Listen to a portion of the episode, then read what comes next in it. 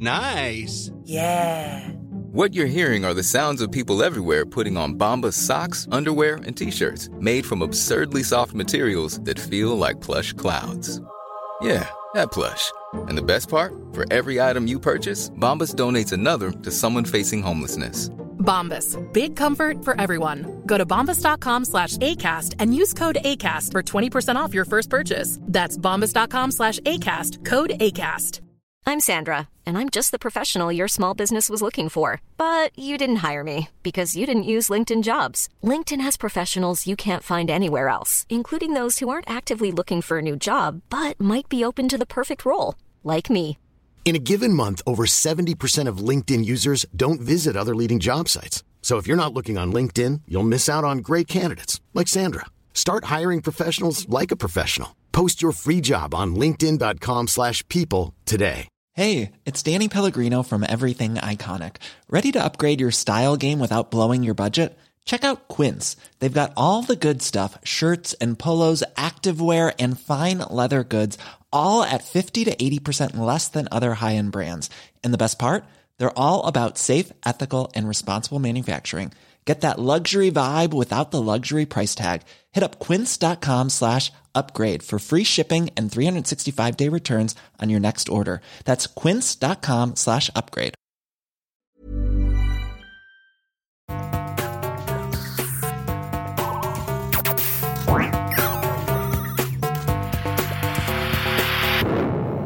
Velkommen til Sinnsyn. Jeg heter Sondre Risom Livre, er psykolog, og dette er Webpsykologens podkast. Hverdagspsykologi for fagfolk og folk flest.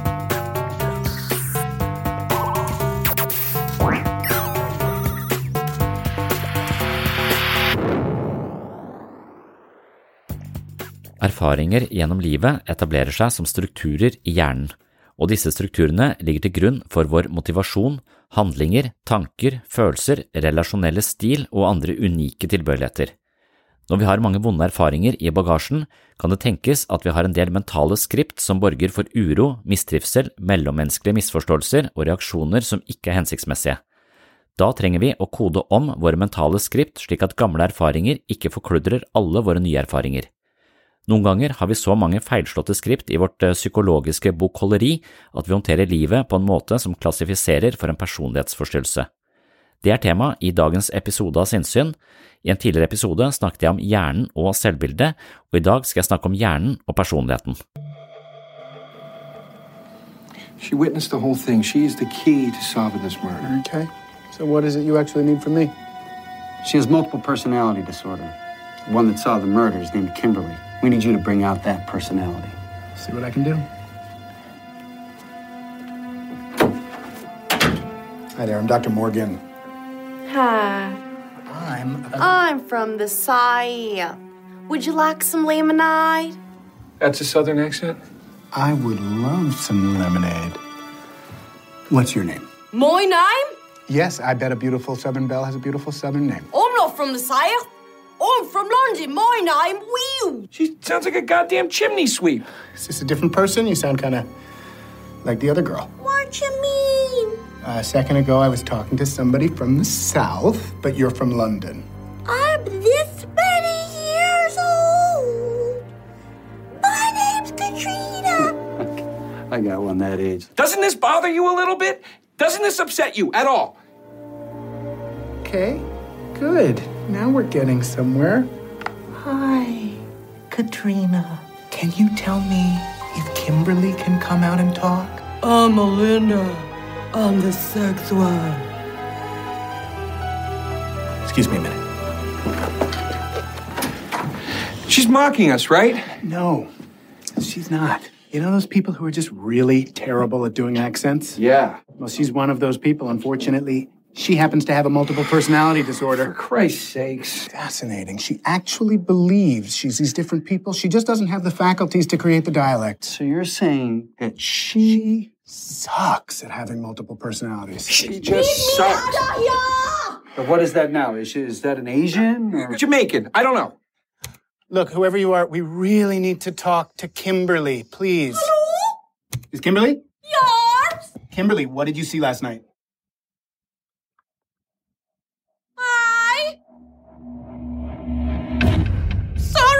Putagoon. Oh, what is she saying? Oh, God, she's worse at doing accents than I thought. Can you slow down when you talk? I source a moon Putagoon. Is that the Swedish chef? What is it? Come on! No, Swedish chef, you can sometimes hear what he's saying. Can we please just go round up a bunch of black guys? Yeah, let's do that. Hello.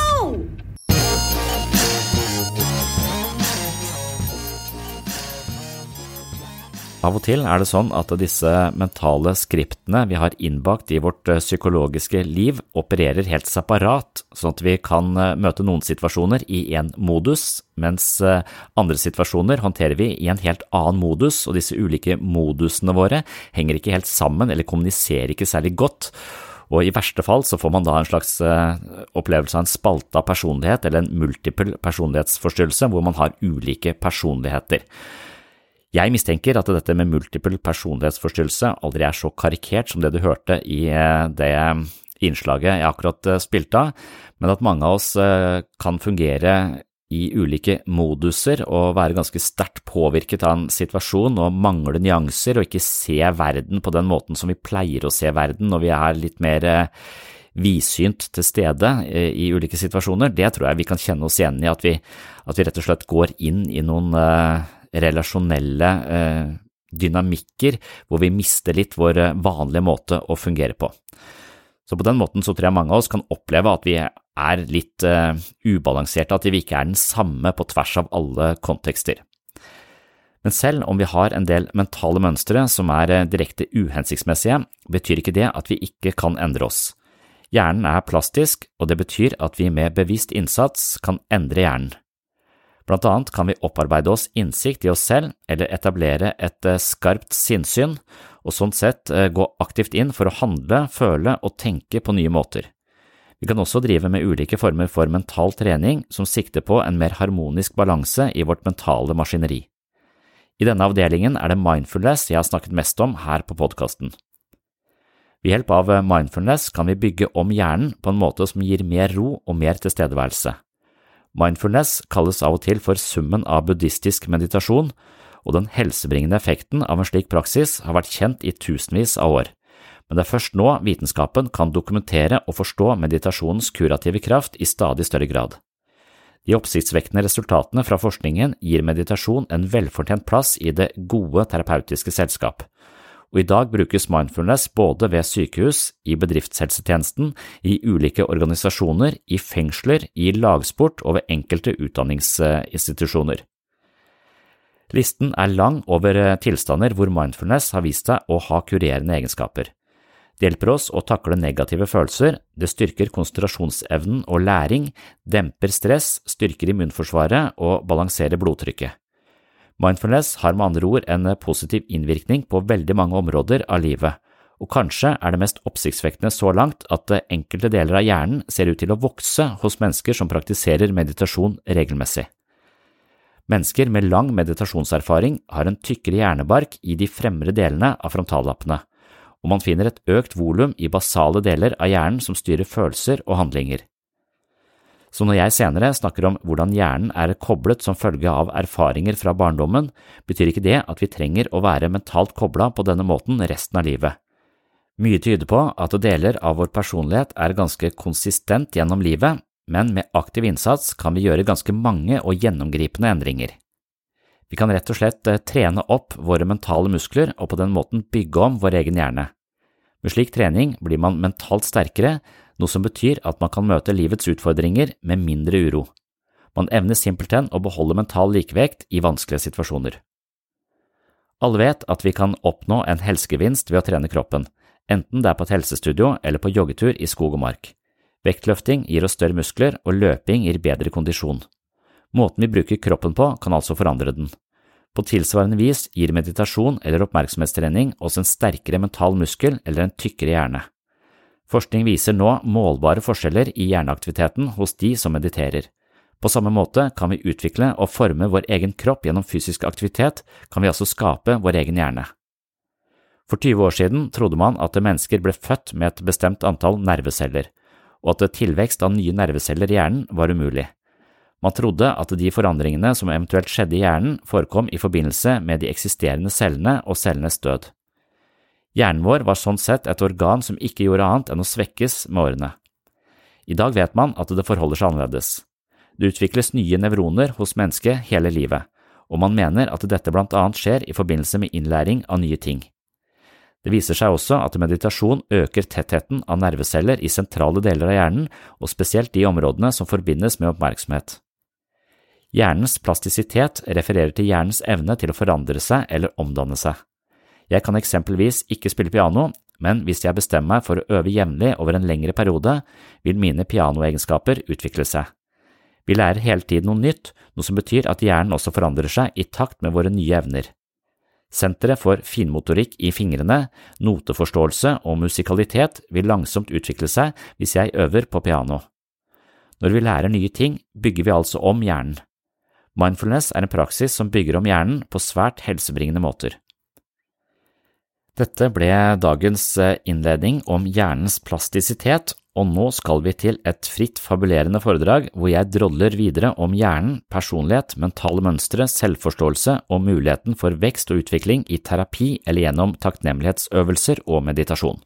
Velkommen til en ny nevropsykologisk episode av Sinnssyn. Nå skal vi tilbake til noe vi har snakket om for lenge siden, mange ganger, men som handler om Spørsmålet er kan hjernen ses på som en muskel. Og hjernen er jo ikke en muskel. Anatomisk sett er ikke hjernen en muskel. Men det er likevel litt nyttig å tenke på våre mentale evner som muskler, fordi det er noe som i likhet med muskler kan eh, trenes opp og fininnstilles på stadig bedre måter. Sånn at det, det er dermed en slags metafor vi kan bruke for å innse at vi er ikke totalt uh, ja, fastlåst i de koblingene vi har inni huet vårt. Det er mulig å gjøre noe med de. Og for å gjøre noe med de, så må vi være litt mer oppmerksomme på de. Og de feilkoblingene vi har, de har vi også med oss fra uh, erfaringer. Så hjernen er jo hele tiden et organ som driver og tilpasser seg og justerer seg og håndterer millioner av oppgaver hver dag.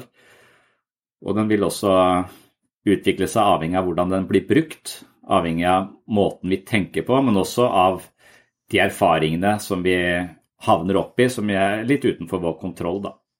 Så da vil uh, ideen i denne, uh, disse ulike personlighetstypene det er at det finnes et grunnleggende emosjonelt styringssystem hvor vi har uh, en følelse av panikk, som er denne reaksjonen som dukker opp når vi blir forlatt og føler oss aleine. Ifølge Freud så var det sånn sensitive utviklingstrinn. Han kalte dette for oralstadiet. Det eller det første leveåret. Da er det nærhet og kontakt med omsorgspersoner som er det viktigste, for da er du totalt hjelpeløs. Du ligger bare der, kan ikke gå engang. Da må du ivaretas. Og hvis du da ikke har eh, noen til å ivareta deg på det første leveåret, så vil eh, vil du reagere, vil panikksystemet reagere. De vil eh, stoppe produksjonen av bl.a. endorfiner, sånn at du får fysisk vondt. Og du, barnet begynner å gråte for å påkalle seg oppmerksomheten. Og hvis vi da blir forlatt veldig mye, så vil denne panikkmuskelen bare aktiveres og aktiveres og aktiveres.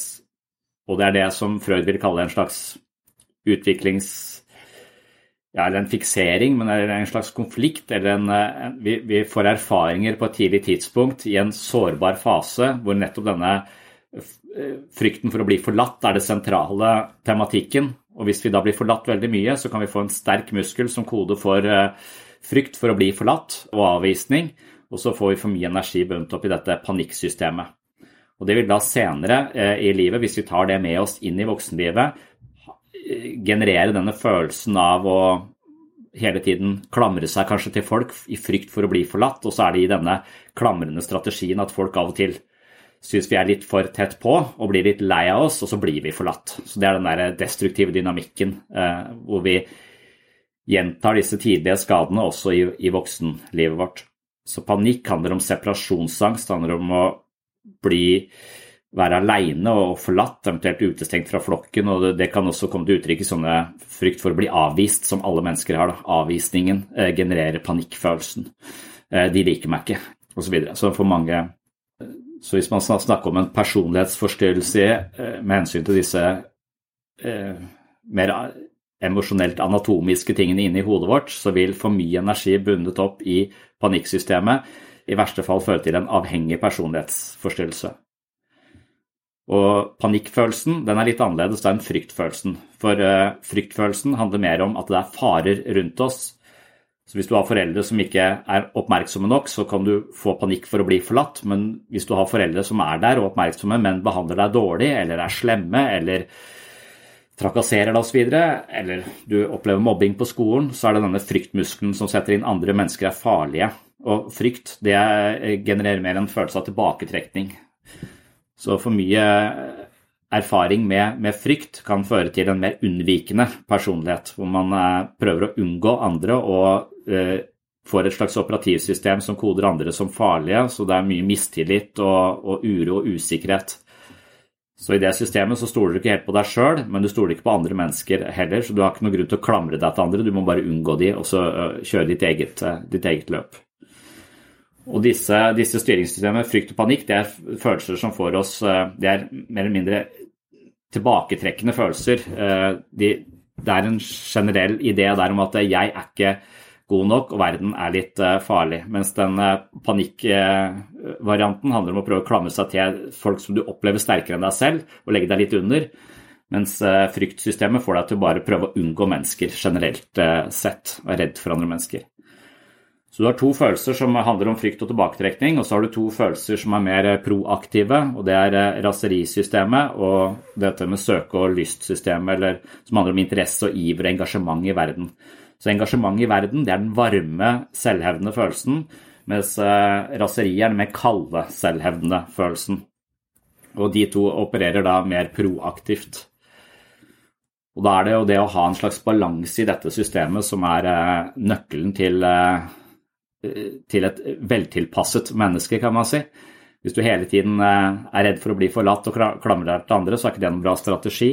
Hvis du aldri liksom hevder deg selv og, og tenker at jeg, her veit jeg best og tar uh, min plass, så, så, vil du bli usynlig, du, du, vil bli glemt, du vil bli oversett og i verste fall dårlig behandla av andre mennesker. Så vi trenger en balanse i dette systemet. Så det er, en, det er en måte å tenke på sitt eget indre liv på, se hva slags personlighetstrekk har jeg i møte med ulike utfordringer, og har jeg en god balanse i disse tingene. Og I dette systemet her så er det ofte disse selvhevdende følelsene som er de eh, som er vanskeligst eh, for folk. Eh, og vi, spesielt dette med raserisystemet og dette med sinne. Jeg var akkurat innom en bok som heter The Upside of Your, of your Bad Sides, eller The Upside of Your Your dark side, tror jeg den heter. The upside of your dark side, altså fordelen med dine mørke sider. Og Jeg tror vi har en slags idé om at denne selvhevdende eh, følelsen at jeg vet best, dette raseriet og det å, å, å markere seg og, og, hevde sine behov, det er noe sånn lite sosialt attraktivt og noe veldig egoistisk. Og, og, dermed så har vi en slags sånn kulturell forståelse, mer sånn kanskje sånn kristenkonservativ kulturell forståelse, at det er liksom, vi skal ta hensyn til andre, vi skal være som Jesus. vi skal ikke, Selv om vi ikke tror på Jesus nødvendigvis, så, så har vi likevel dette innbakt i kulturen vår.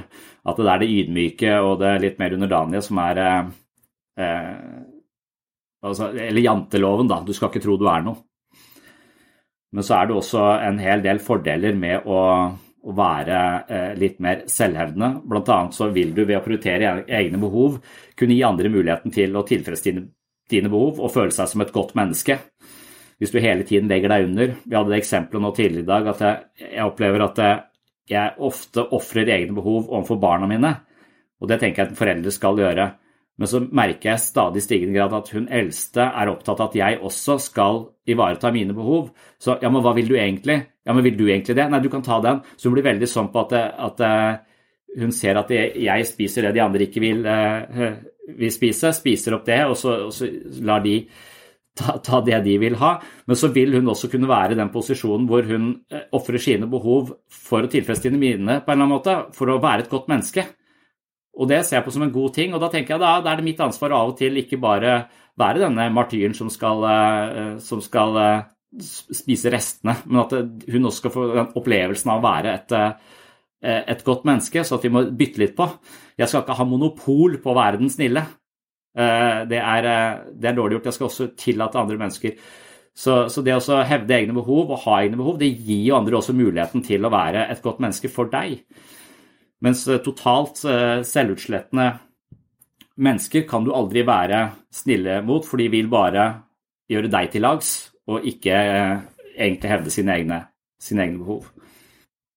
Da, men, men, i verste fall, hvis du bare hevder egne behov og driter i alle andre, hvis du ikke har noen ubalanse der, så blir den narsissisten. Og den narsissisten er vi veldig veldig redd for. Det er altså psykopaten som driter i alle andre menneskers uh, behov.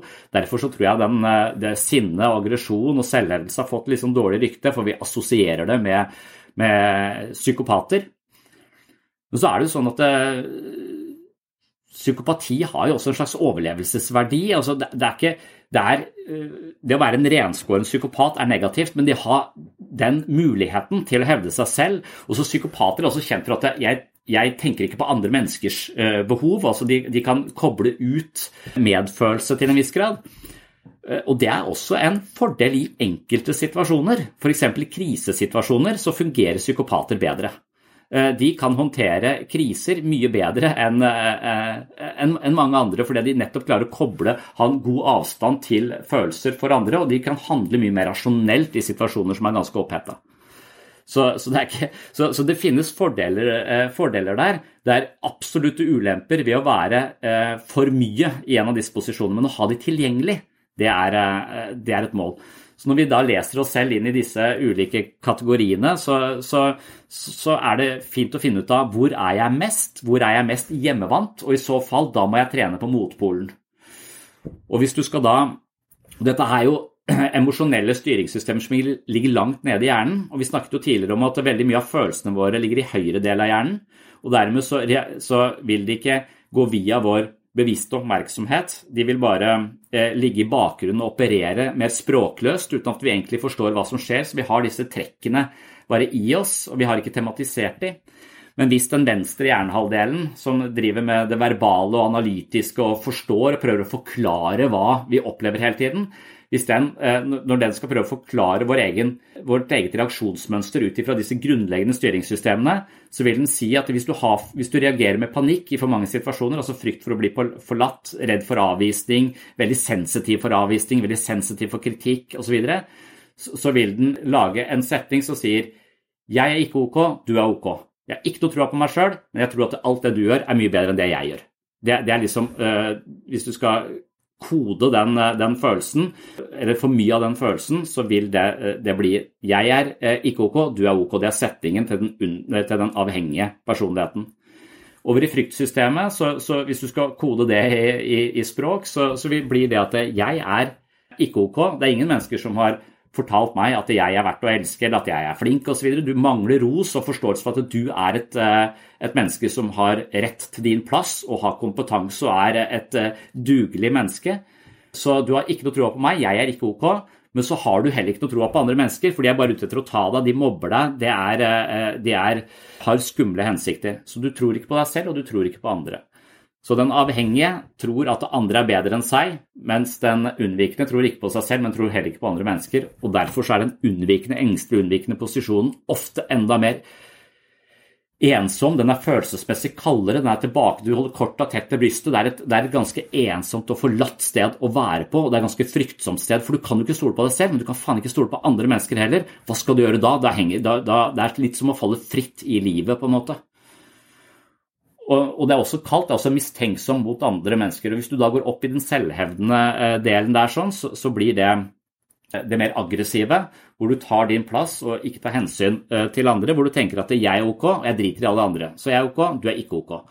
Så der, der, mangler du den sensitiviteten overfor andre og den empatien med andre mennesker. Du har kanskje ikke lært at andre mennesker har behov du må ta hensyn til for å bli et sivilisert menneske. Kanskje du får det akkurat sånn som du vil, bare du skriker høyt nok. Så utvikler vi en sånn form for uh, selvberettigelse som ikke er spesielt eh, sosialt intelligent, noe som gjør at du også faller ut av flokken, men pga. at du alltid er egoistisk og tar bare hensyn eh, til deg selv. Så du har denne oversettelsen 'jeg er ok, andre mennesker er idioter'. Mens all utviklingspsykologi handler om at eh, alle mennesker bør ha en opplevelse av å være trygge nok. Og hvis de er trygge nok, så trenger de ikke å være redd for å bli forlatt. De trenger ikke være frykte for sin egen sikkerhet fordi at andre mennesker behandler de dårlig men de kan være, ha en trygg plattform å stå på, og da våkner denne muskelen som handler om å være nysgjerrig, ivrig og søke mot verden, som er denne interesse- og lystsystemet vårt. Derfor vil barn som er, føler seg trygge og ivaretatt, kunne stimulere denne muskelen som handler om å søke mening og interesse og nysgjerrighet, som er denne kreative, skapende delen av oss, og den vil da være, søke ut mot, uh, mot, verden. Og der er, Hvis du skal oversette denne nysgjerrige appetitten på livet, så vil det være 'jeg er ok', og det er andre mennesker også, så vi kan samarbeide og finne gode løsninger og være sammen og ha det bra. Så, så disse fire emosjonelle, grunnleggende styringssystemene de tar til seg informasjon, de reagerer avhengig av hva slags situasjon vi er i. og Hvis vi da stadig kommer i samme situasjoner hvor vi blir dårlig behandla eller utsatt for Eh, for faenskap, så får vi for mye energi bundet opp i tilbaketrekning. Og denne muskelen som handler om interesse og giver, den blir understimulert, og det blir vanskeligere for oss i voksen alder å skape mening i eget liv. Altså, noe, noe av problemet der blir, blir at uh, hvis vi, som vi har snakket i det siste om den venstre og høyre hjernehalvdelen, at den høyre er mer sånn her og nå, mer sånn i en sånn slags umiddelbar opplevelsesmodus, og den, genererer, og den koder også for en del av følelseslivet vårt.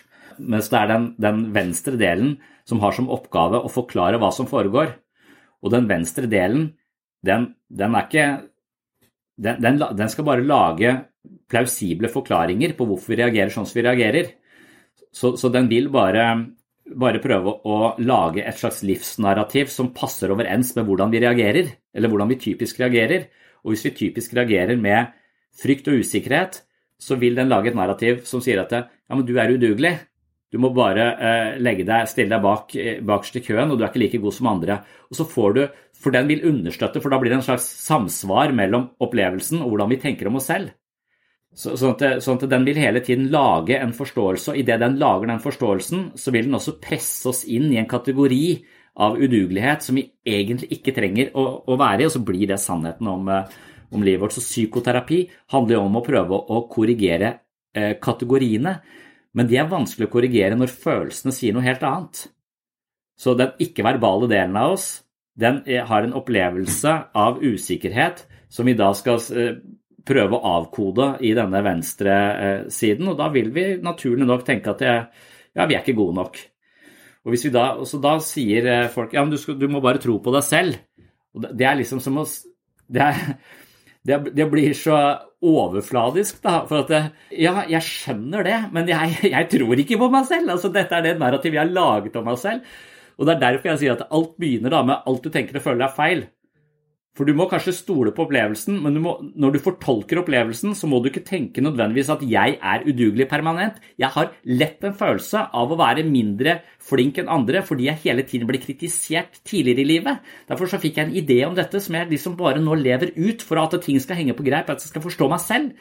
Men jeg er nødt til å tvinge meg ut av disse snevre fortolkningsrammene. For det kan være at eh, denne venstre hjernehalvdelen har misforstått pga. alle de idiotene som mobba meg når jeg, når jeg vokste opp. Så vi misforstår oss selv for å føle en form for kontinuitet og sammenheng. Og det er viktig å føle sammenheng, for vi, vi, kan ikke plutselig øh, på en dag øh, en, øh, ha en helt annen holdning til oss selv. For da, da Det vil være som totalt brudd i kontinuiteten av hvem vi er. Derfor, så, derfor så vil forandring også ofte være ganske langsom. Dattera mi våkner ikke en dag og har blitt en halv meter høyere. Altså, vi måler jo hver måned. Det er sånn tre millimeter, en halv centimeter. Altså, det er jo ikke noe vi ser. Men hun blir langsomt større, men det er usynlig for oss. Og sånn må det nesten nødvendigvis være med psykologisk utvikling også, tror jeg. For store omveltninger i livet vil, vil liksom uh, skaker vi hele kontinuiteten og følelsen av sammenheng. Da. Og da, da, er det litt som uh, Ja, det, det, det, det, er en skremmende hvis ikke vi føler en slags at jeg er en uh, litt annen variant av den jeg var i går, men de henger sammen. Derfor kan jeg også vite litt om hvem jeg er i morgen, for det henger litt sammen med hvem jeg var i dag hvem jeg var i går. hvis det ikke er noe sånn sammenheng, så våkner jeg opp som en helt annen person i, i morgen. Altså det, da starter livet på nytt hele tiden. Det blir vanskelig. For, for når, vi om, når, vi snakket forrige gang om disse venstre og høyre hjernehalvdelene, så, så, har man av og til en eh, tendens til å romantisere den høyre hjernehalvdelen fordi den er liksom holistisk, kreativ, intuitiv, åndelig, spirituell. Den har liksom alle disse litt mer sånn eh, avantgarde, eh, spennende siden. Den er litt sånn mystisk, den mystiske høyre, høyrehjernehalvdelen. Og, og, og, den er jo det, for det er jo mye mystikk der. Og det analytiske og uh, verbale som hele tiden skal kategorisere og forstå ting, det plukker ting litt fra hverandre og gjør det litt sånn A4-aktig og, og, kjedelig.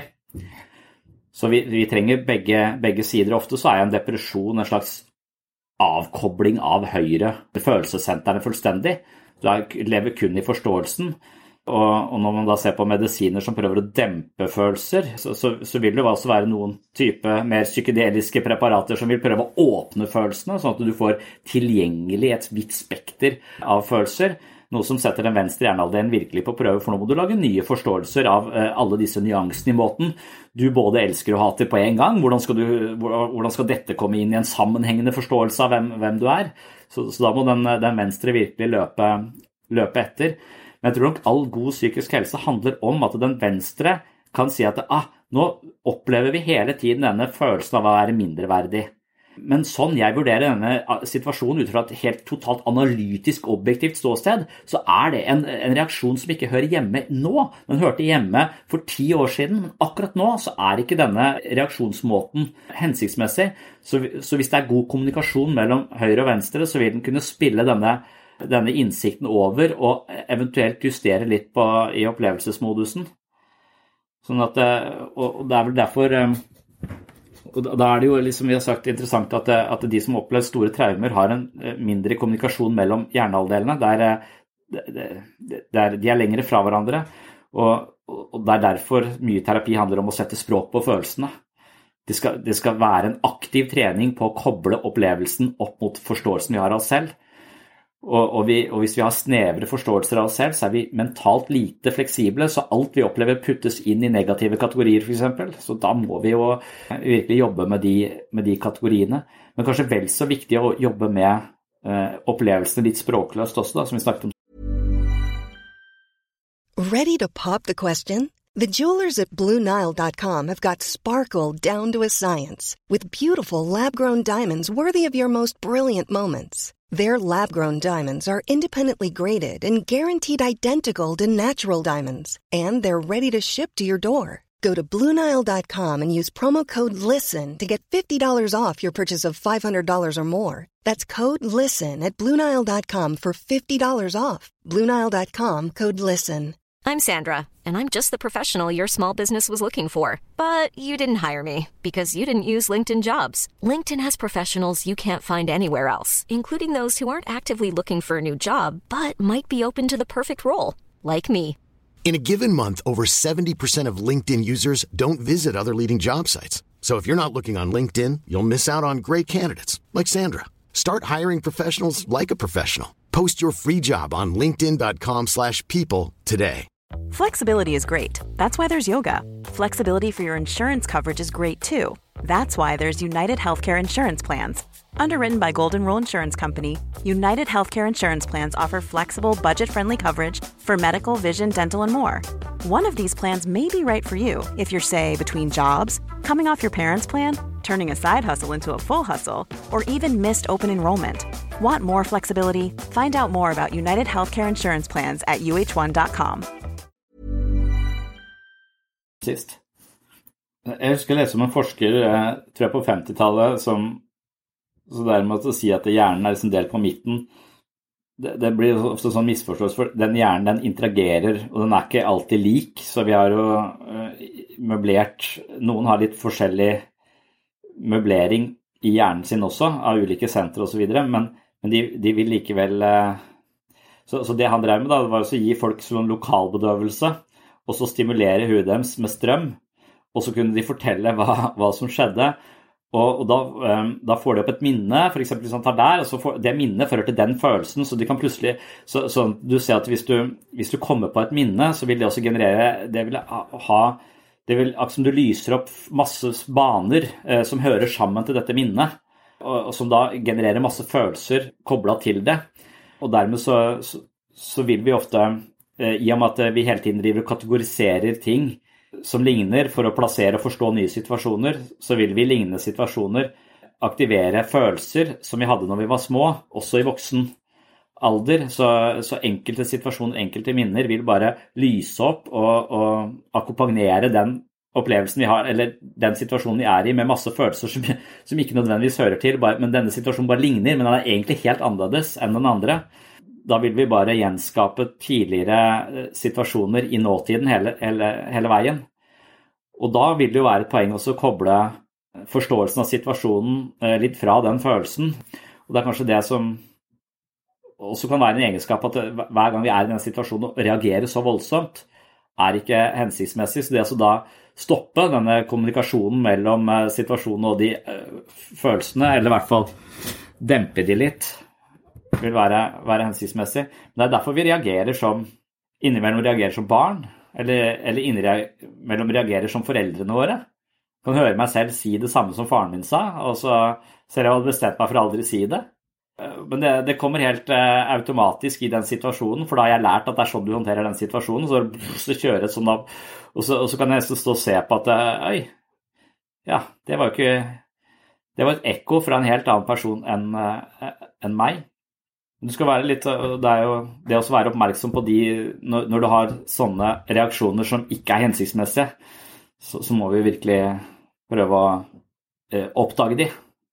Og plante et flagg og så at hver gang dette, denne, denne, situasjonen her dukker opp igjen, så skal jeg være litt oppmerksom, for da kommer eh, faren min på banen. Eller, eh, men det kan jo være bra ting òg. Altså alt det som er bra, det, det kan også komme fra, fra, foreldrene våre. Så det er mye, mye lettere å tenke og legge merke til at det som ikke er så bra, og også skjønne hvor det kommer fra. Jeg opplever av og til at, eh, at selvutvikling eller, eller, det å hjelpe folk kan også handle om, og jeg vet ikke om det er noe hjelp i det, men det kan handle om å redefinere noen av de mer selvhevdende følelsene. Og Én ting er nysgjerrighet og iver, det trenger ikke noe redefinering, for det ser vi på som en positiv ting, det å være leken og nysgjerrig til stede, men det fordrer trygghet på seg selv, og det fordrer at man har hatt en trygghet, sånn at man kan ha råd til å være leken. Så, så det, er, det, er, i utgangspunktet en bra ting. Men, eh, men, det der å være selvhevdende og ta hensyn til egne behov, som kommer mer fra den aggressive eh, raseridelen, som er en følelse som dukker opp hvis du ikke hvis du forhindres i å nå noen mål, eller, eller så, så, så, det å gi den, den delen av av følelseslivet vårt en stemme som ikke bare er negativ. Det, det syns jeg også er en litt sånn Det er som at vi nesten hele tiden driver og innprenter barna våre Nei, det var ikke snilt, det var ikke bra. Nei, nå må du ikke være Nå må du roe deg ned.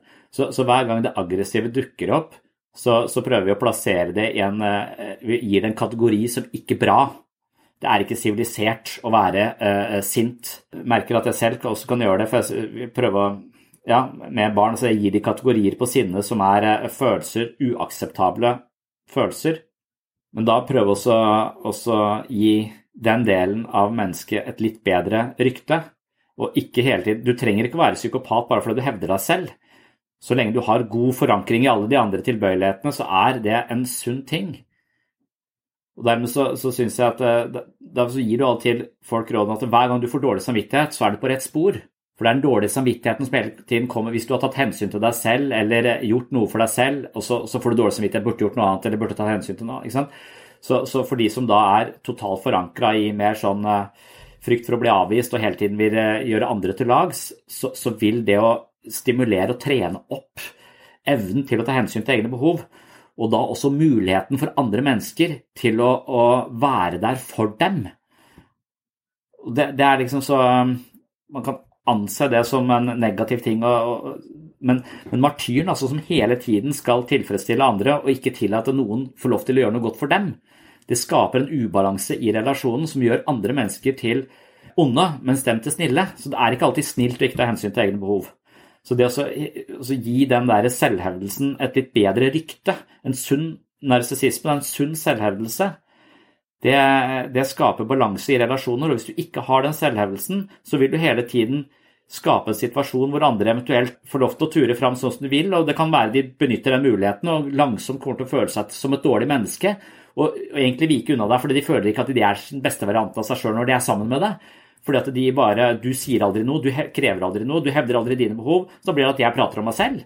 Og, og det kan være godt en periode, men så skjønner jeg at her er det en ubalanse i situasjonen. Jeg blir denne som bare prater om meg selv hele tiden. Det er fordi du aldri tar, tar stafettpinnen. Du gir meg aldri muligheten til å lytte til deg. Du ber aldri meg om noe. Og Da kan det være at man til og med der mister mennesker som trekker seg unna fordi at de føler de blir de, de, blir pressa inn i den mer sånn ja, deg og ditt-posisjon, som de kanskje egentlig ikke liker. Men de trenger hjelp til å, til å få lov til å være en som også kan være der for andre. Så Det er derfor man føler seg tryggest med sånn rimelig selvhevdende mennesker. For da har man råd til, da kan man være så spontan man bare vil. Fordi man vet at den andre eventuelt setter grenser. Eller at den andre også eh, er spontan tilbake og sier, uttrykker sine behov, og sånn, sånn at du får lov til å Istedenfor at du må gå inn og så og være forsiktig. Nå må ikke jeg ta for mye plass, for da, da, kanskje altså, sted, Så den andre tar ikke den plassen automatisk. Du må hele tiden føle på, og det skaper en enorm usikkerhet i, i, i relasjonen. Og det verste er jo med de da som, de, som aldri hevder seg selv på en direkte måte, men blir skuffa over at de ikke får plass. Det passivt, det, det passivt aggressive, så, som, så, hvor man forventer at det, ja, men andre burde jo skjønne at jeg også trenger plass, men du ber aldri om den plassen. Og det er da ikke sant, Oi, nå skal jeg lese sånne usynlige røyksignaler her fra den andre eh, personen. Og det orker ikke jeg i nære relasjoner. Jeg orker ikke røyksignaler. Altså, for jeg, jeg er dårlig på røyksignaler. Jeg, jeg, jeg forstår dem ikke. Altså, og i hvert fall så syns jeg at det Kan ikke du heller bare Hvis du står jo der, du trenger ikke å sende røyksignaler, du kan jo bare si det. Det blir så lett hvis du bare tar den plassen, så jeg trenger, ikke trenger å, å, å, å, hele tiden tenke på min egen impulskontroll for å si noe. For da kanskje jeg tar for mye plass, og kanskje det blir en overkjøring av deg. ikke sant? Sånn, så det er liksom Begge parter har ansvar for å skape balanse, så jeg kan godt ta litt ansvar for å dempe meg litt. Men da må den andre også ta tilsvarende mye ansvar for å be om den hjelpen eller det, den oppmerksomheten eller hva den personen trenger, for jeg kan ikke lukte meg, uh, meg fram til det. Så jeg, jeg, tror det er et problem med selvhevdelse hos de menneskene som ofte, uh, som ofte er skuffa over andre som tar for mye plass da tror jeg det er at det for mye energi bundet opp i frykt- og panikksystemer hos dem, men, mens de skulle ønske at de kunne kanskje hadde et slags programvare som de kunne være mer åpne og ta mer plass. Men idet de ikke gjør det, så, så havner de også i skuffelsen og, og bitterheten. Og så, og så, får det også en slags altså Verden kommer i balanse da, for det er jo sånn jeg har lært å tenke om verden. At andre er ute etter å ta meg, eller andre tenker bare på seg sjøl, og andre er sånn og sånn. Så, så, ved å oppføre seg lite selvevne, så får de også en bekreftelse på akkurat den hva skal man si, forståelsen den venstre hjernehalvdelen har av frykt og panikk. Ja, ingen er der, eh, redder deg, så, så, så hele, hele, væremåten bekrefter et verdensbilde som, eh, som man kan bare da koke, koke videre på og leve i en sånn kronisk skuffelse over andre mennesker. Hvis, hvis jeg er i en relasjon hvor jeg merker at jeg er en elefant liksom, i glasshuset altså det, det, det er for mye. Og, og jeg sier for mye, og så, og så, er jeg ute etter Kan du si om det var det sårende, var det støtende, var det Nei, jeg er ikke sint på deg, jeg er bare sint på meg selv at jeg ikke sa fra tidligere. Altså, å ja. Så, så du, du, er ikke sint på Du, du er ikke fornærma over det jeg sa, så du kan si noe tilbake. Du er bare skuffa over deg selv. Altså, det, det blir også litt sånn derre igjen en sånn ah, Jeg hadde vært mindre ond hvis den personen da sa ja, men faen, det du sa der, det, det syns jeg var urettferdig. Det er sånn å være. Da hadde jeg, ja, ja, da hadde jeg fått en korrigering. Da hadde han tatt meg liksom da hadde jeg fått lov til å, å si å ja, beklager, unnskyld. Da hadde jeg fått lov til å være en, en, person som kan korrigere meg selv. Hvis den andre ikke sier det, sier nei, nei, jeg er bare sint meg sjøl, jeg er bare skuffa over meg selv. Så er jeg fortsatt den der som har eh, Jeg er fortsatt ond. Hjelp meg ikke være ond. Og det er akkurat på dette punktet folk sier ja, men det er lettere sagt enn gjort. Og det de mener med det, det er, det er, det er vel sikkert sant, da, men det de mener med det, tror jeg er at det, ok, det å nå begynne å etablere nye kategorier på selvhevdelse, revurdere min forståelse av selvhevdelse, ikke som noe kronisk negativt, egoistisk, narsissistisk og, og, og, farlig, eh, eller noe jeg ikke har rett til, men noe som faktisk har en verdi, og kan være sunt og skape balanse i relasjonene mine og gi andre mennesker noe, det er en prosess som jeg må bruke litt tid på. Så, så det eneste vi gjør nå, er å prate til den venstre hjernehalvdelen, og, og så kan en velge å si ok, jeg skal se om jeg klarer å inkludere noen nye kategorier her. Men eh, majoriteten av mitt, eh, mitt, psykiske liv det foregår på autopilot, for jeg har ikke tid til å tenke på alt jeg skal gjøre hele tiden. Så hele mitt system er eh, kobla for å reagere med tilbaketrekningen og frykt istedenfor selvhevdelse og, og, og, ta plass. Så, så, dermed så er det jo lettere sagt enn gjort. Men man må begynne da å kanskje terpe på det, og så si det. Så hver gang jeg finner et språk var, Jeg har ikke lest den godt nok, men den boka som het da, den derre The Upside of Your Dark Side. tenkte jeg, yes, Den er sikkert full av språk på hvorfor det også, vi er, vi er nødt til å inkludere disse litt mer selvhevdende og tilsynelatende negative sidene ved oss selv. da. Not all philosophers were prolific. Some were just okay. This is one of them. Easier said than done unless saying that phrase is the task, in which case both are equally as easy.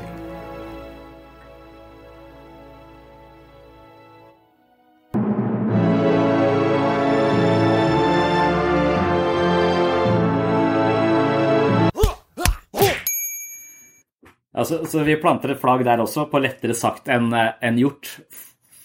Fordi at det, hvis du sier den, så er det nettopp det den måten du legitimerer og ikke gjør noen forandring på. For dette er såpass vanskelig, så du kan egentlig ikke få gjort noe med det.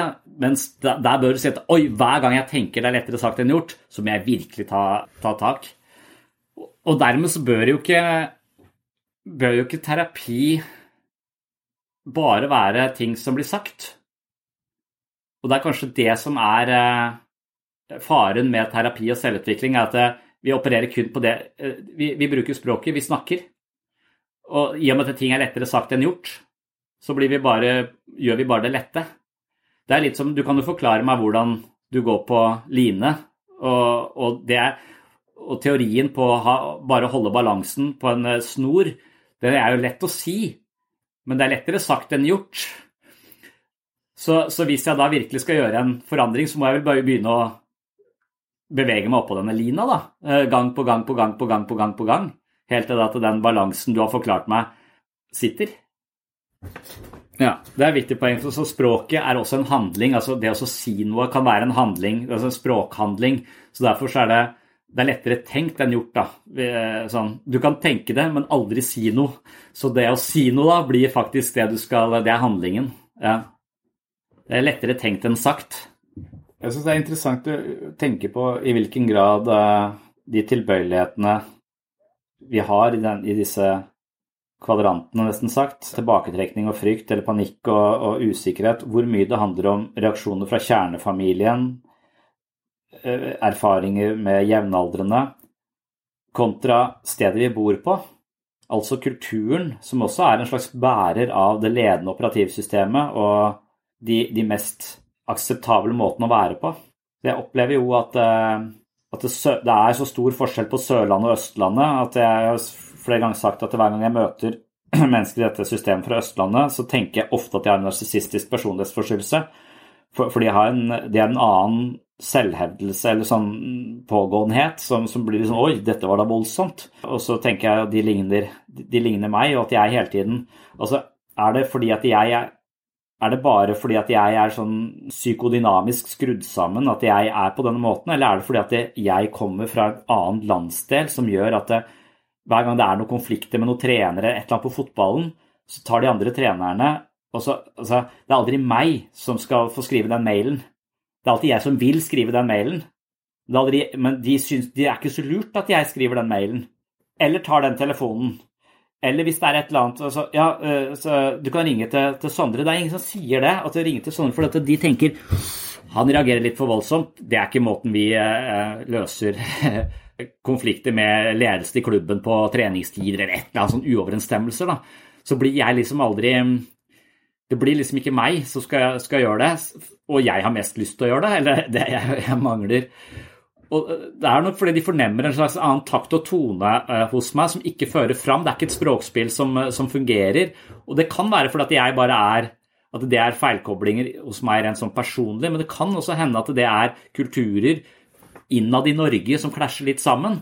Og dermed så mener de at det er min Det er ikke det at jeg tror de ikke liker meg eller jeg er sikker på at de liker meg sånn, men de, de syns ikke jeg er den beste problemløseren når det kommer til konflikter.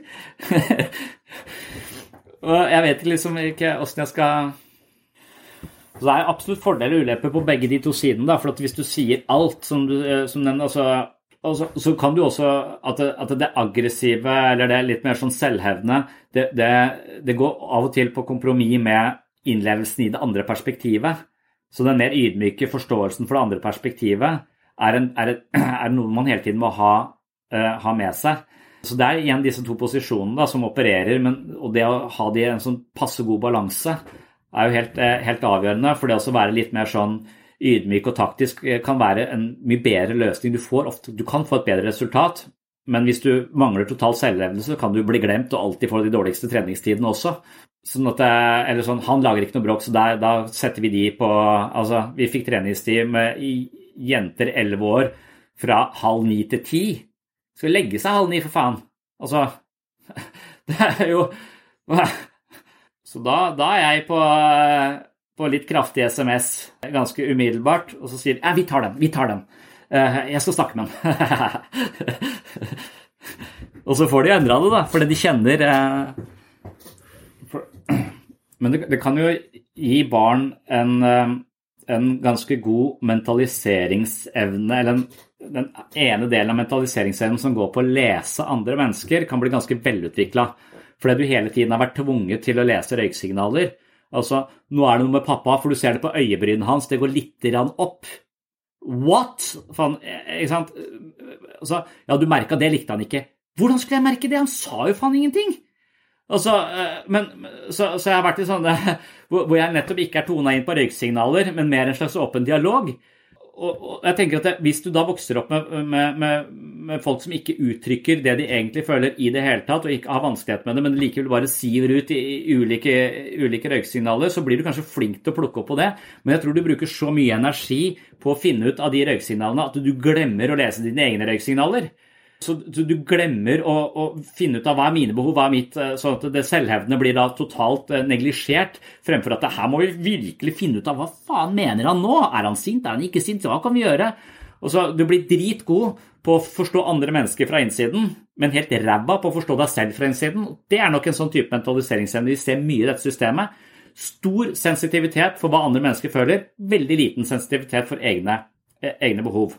Motsatt hos meg, kjenner alle mine egne behov, vet akkurat hvordan de skal tilfredsstilles, aner ikke så mye om andre mennesker.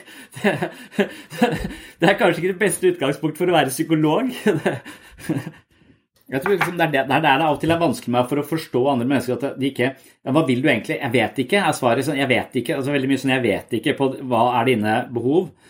Nettopp fordi at mine behov kommer ikke opp som røyksignaler. De kommer opp som tydelige beskrivelser av hva jeg trenger nå. Jeg trenger å høre på musikk fra 90-tallet. Trenger å være ute i kajakk og, og, legge meg med VR-briller etterpå. Det, det, er, det, er, det som er behovet akkurat nå for å finne en ny balanse. Det kommer ikke noen sånne diffuse følelser at det er et eller annet som ikke er altså at det er tydeligere. For at du, kjent, du kjenner deg selv. da, sånn Oraklet Delfi, kjenn deg selv. Og det, det å virkelig det er kanskje det veldig mange kommer i behandling for, for å bli kjent med seg selv og forstå og avkode sine egne indre røyksignaler. Det er jo ingen som kommuniserer røyksignaler. Det er ingen som forstår, det er en det er en tapt kunst. Det er ingen som skjønner det lenger, tror jeg. Så, dermed så er du helt lost. Du veit ikke hva du vil. Så du er nødt til å kjenne etter du må, finne, du må, kjenne deg selv for å vite hvordan du skal komme i balanse i ubalanserte situasjoner. Nå er det kjempevanskelig, jeg har vært stressa over lang tid. Hva gjør jeg med mitt liv for å finne, gjenvinne balanse? Hva er det jeg trenger? Og Hvis du ikke veit det, så er du jo Da er du helt kjørt. The words Know thyself, Gnothi Seauton, were inscribed in stone above the ancient Greek temple of Apollo at Delphi. Socrates took this injunction very seriously and spent his life trying to do just that know himself. According to Plato, The conclusion he reached was that he knew nothing about anything. His wisdom lay in understanding the limits of his knowledge. Other philosophers, such as Thomas Hobbes, have been more optimistic about self knowledge and its uses. He thought that one of the best ways to understand other people was to introspect. If you want to appreciate what motivates others, study yourself closely. If you observe your own thoughts, desires, and feelings, you'll recognize that what it's like to be you is a good indicator of what it's like to be someone else. It was in the late 19th century, though, that philosophers, psychologists, and novelists began to recognize the power of unconscious forces in our lives.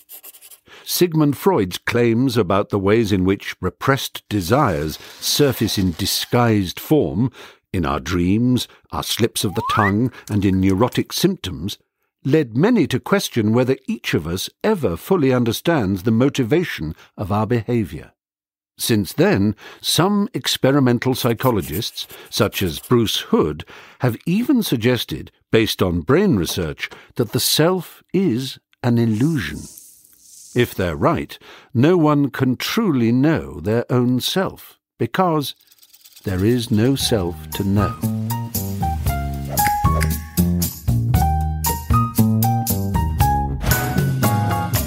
Ja, for forutsigbarheten din, så, så, Det kan godt være at man, man Jeg sier nå er jeg behov for å være litt alene eh, ute på og så, og så, kommer den dagen hvor det er planlagt, men så går ikke det fordi at det er andre ting som har oppstått. Det er noen i familien som trenger noe, osv. Og, så og så bare ser du kalenderen. Ja, men da tar jeg det neste fredag. Da er det lett å holde ut. Liksom, så lenge du har en slags forutsigbarhet i, i, det. Men jeg tror de som virkelig sliter, de vet ikke hvordan de skal hente seg inn. Og dermed så er det ikke noe vits i å planlegge den der eh, neste fredagen. Da skal jeg eh, Og, og da må man kanskje liksom definere hva er bra for meg, og så, og så sette av tid eh, tid til det. Det er et slags mentalt vedlikehold som, som, er helt avgjørende for å fungere. Og så lenge du ikke veit hva det er, så, er det noe, så, så har du liksom ikke noe sted å hente deg inn. Da, da er det ikke noe En ting er hvis du bare ikke har tida til det, men det er liksom, du, da kan du presse det inn på et eller annet tidspunkt. Kanskje det er to uker fram i tre uker fram i tid. Men så lenge du vet at det kommer, så kan du nesten holde ut hva som helst, tenker jeg. Jeg husker dette som en sånn derre egen sånn torturstrategi de hadde i militæret også, på å utsette oss for ting hvor de ikke sa hvor lenge det skulle vare. Sånn at eh, Du visste ikke om du skulle være ute en dag eller en uke. Og det er nettopp den usikkerheten på å ikke vite For at hvis du vet ok, det er en uke, så kan du innstille deg på det, og så kan du takle hva som helst. Du vet at du da får du en pause til, til helgen. Når du, ikke, når du ikke aner hvor lenge det skal være, så, så, så, det gjør noe sånn veldig sånn, Det er veldig sånn psykisk utmattende for oss. Litt sånn som pandemien er, da at pandemien altså Hadde vi visst at ja, nå skal vi holde ut så og så lenge, men, men så, så, bare drøyer det og drøyer og drøyer, så det er sånn, vi ser liksom ingen ende, ende på det. Det er ganske skadelig for, eh, for folk, for da er du liksom bare du er prisgitt Du får bare håpe at det blir bedre, da. Sånn, og det er kanskje litt sånn hvis du ikke vet hvordan du ivaretar deg selv, så må du bare håpe at omstendighetene på et eller annet tidspunkt gir deg en følelse av å ha det bedre. Du, noe, du kan ikke bestemme deg for et, eh, et punkt der framme hvor du skal uh, hente, hente deg inn. Og Det er liksom privilegiet å være, ikke være i militæret. Da, at Du kan jo til en viss grad planlegge eh, livet ditt hvis du vet hva som, eh, hva som definerer en pause for deg. Jeg så det på Kompani Lauritzen også, at, de, at de var, der artikulerte de nettopp den der stressfaktoren ved å utsette folk for denne typen ubehag uten å fortelle dem hvor lenge det skulle vare. Det gjør det ekstra vanskelig. Det er kanskje definisjonen på en psykisk lidelse også, at du ikke aner hvordan du skal komme ut av det. Og da aner du heller ikke hvor lenge det skal vare.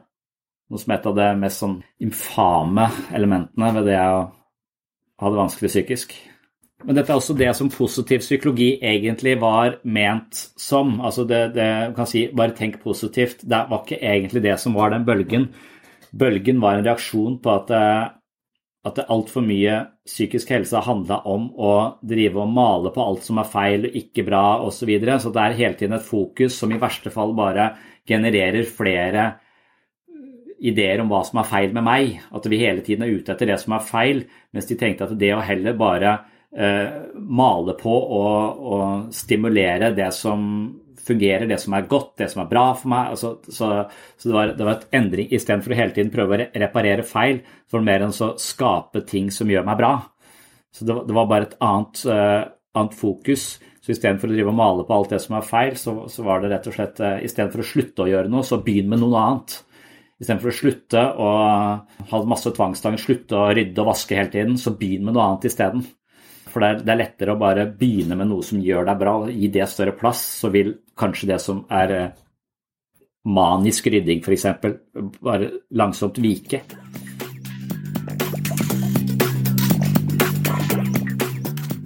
Tusen takk for følget, tusen takk for at du hører på Sinnsyn. Takk til alle dere som har rata podkasten i iTunes og på andre sosiale plattformer, og takk til dere som har eh, anbefalt podkasten til venner og bekjente. Og en ekstra stor takk til dere som er Patron-supportere av Sinnsyn. Som de fleste vet, så har jeg også en Patron-konto hvor man kan tegne et abonnement på det jeg kaller mitt mentale treningsstudio. Der inne får du masse ekstramateriale, flere episoder av Sinnsyn, det er mange videoer der, og jeg leser bøkene mine kapittel for kapittel, sånn at eh, Patron til slutt huser lydbokversjonen av alle mine tre bøker. Så langt så har jeg lest inn eh, selvfølelsens psykologi, og jeg er godt i gang med jeg, meg selv og selvbildet, og til slutt så kommer psykologens journal. Så hvis du finner verdi her på sinnssyn, vil ha mer sinnssyn hver måned, så kan du også gå inn på patron.com for segs sinnssyn og tegne et abonnement. Det trenger ikke koste deg så mye, eh, det kan eh, være fra en 50 kroner i måneden og opp til, ja, det går i dollar der inne av en eller annen grunn, det er fordi det ikke finnes noen norsk variant av Patron, men det, det ene abonnementet begynner på 5 dollar, så er det 8 og 14 dollar. Så avhengig av det nivået du går inn på, så får du også en del ekstramateriale tilsvarende det abonnementet du tegner. Og på den måten så er du også med på å holde hjula i gang her. Det er på grunn av Patron at jeg kan prioritere sinnssyn hver eneste uke og lage nye episoder her inne, fordi jeg får støtte fra disse eksklusive lytterne. Så tusen hjertelig takk til dere. Det var det jeg hadde for denne gang. På gjenhør i neste episode. Tjallabais!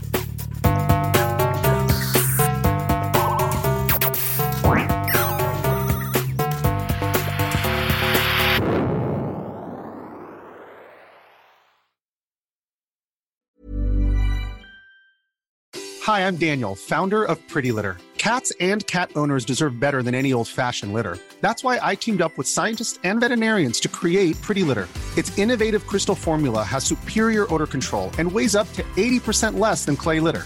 Pretty Litter even monitors health by changing colors to help detect early signs of potential illness. It's the world's smartest kitty litter.